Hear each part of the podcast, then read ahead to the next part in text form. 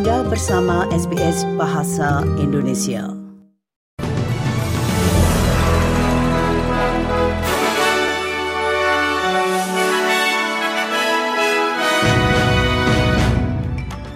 Berita terkini dari SBS Audio Program Bahasa Indonesia untuk hari Jumat tanggal 16 Februari 2024. Perdana Menteri Anthony Albanese telah mengucapkan selamat kepada Indonesia karena berhasil menyelenggarakan pemilihan presidennya. Presiden Indonesia Joko Widodo juga memuji Menteri Pertahanan Prabowo Subianto yang telah berhasil mendapatkan suara terbanyak dalam pemilihan presiden negara tersebut, sementara perhitungan masih terus berlanjut. Namun Jokowi memperingatkan bahwa hasil resmi masih belum dikeluarkan. Hasil penghitungan quick count itu adalah metode penghitungan yang ilmiah. Tetapi apa pun kita harus menunggu hasil resmi dari KPU. Jadi sabar. Tapi Pak di satu sisi sudah berkomunikasi belum Pak dengan Ojo ke susu. Sabar. Perhitungan terus berlanjut dalam pemilu satu hari terbesar di dunia itu dan berdasarkan dari hasil perhitungan suara quick count menunjukkan bahwa paslon 02 kubu Prabowo Gibran unggul dengan suara lebih dari 50 persen. Prabowo Subianto mengatakan ia bersyukur atas hasil quick count tersebut. Atas nama tim Prabowo Gibran dan atas nama Koalisi Indonesia Maju, kita bersyukur atas hasil penghitungan cepat yang sudah ada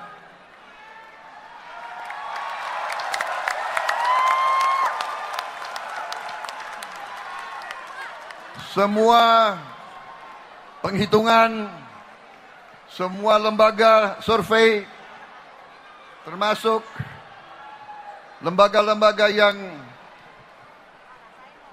berada di fiak-fiak paslon lain menunjukkan angka-angka yang memang paslon Prabowo Gibran menang sekali putaran.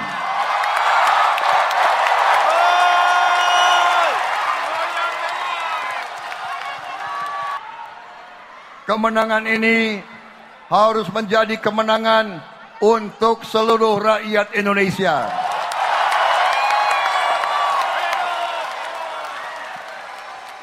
Prabowo, Gibran, dan seluruh Koalisi Indonesia Maju, kami akan merangkul semua unsur dan semua kekuatan.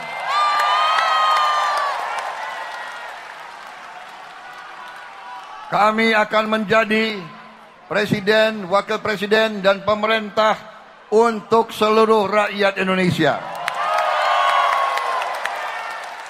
Berkali-kali saya tegaskan, saya akan memimpin bersama saudara Gibran akan mengayomi, akan melindungi, akan membela seluruh rakyat Indonesia.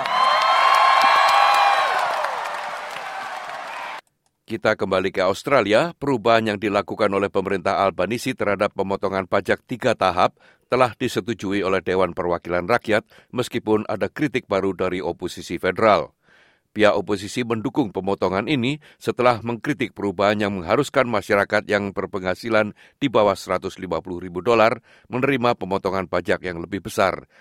Perdana Menteri Albanese mengatakan kepada parlemen bahwa ini adalah hari yang menyenangkan dalam banyak tingkatan. This is a day in which every Australian will get a tax cut. All 13.6 million of them. And the difference between this side and that side is we want people to earn more, and we want workers, every taxpayer, to keep more of what they earn. They want people to work for longer for less.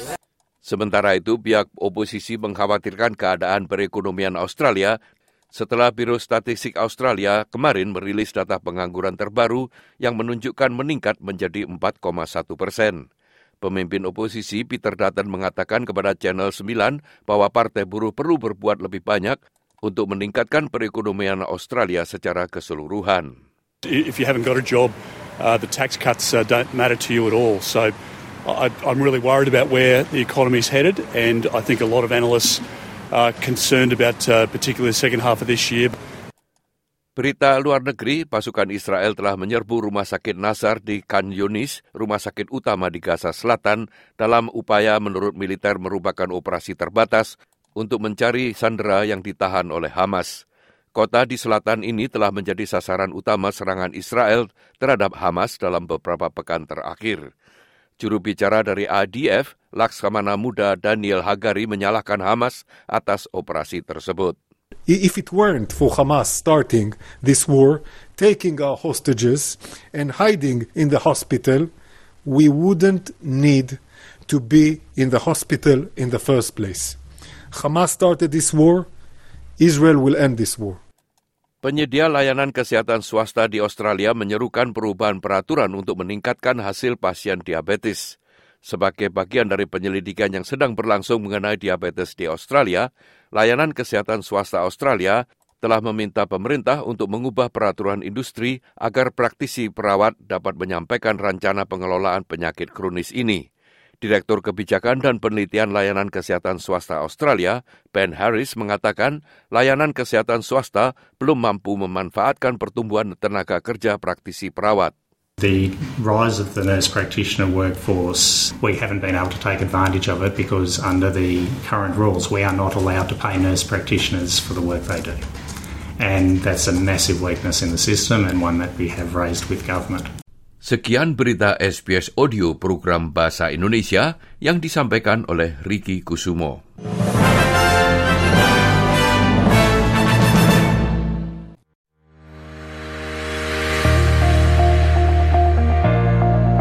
Anda masih mendengarkan siaran SBS Audio program Bahasa Indonesia.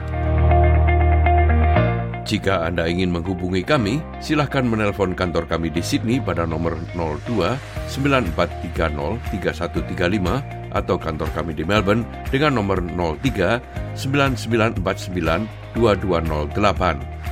Anda juga dapat menghubungi kami melalui email pada alamat indonesian.program at sbs.com.au.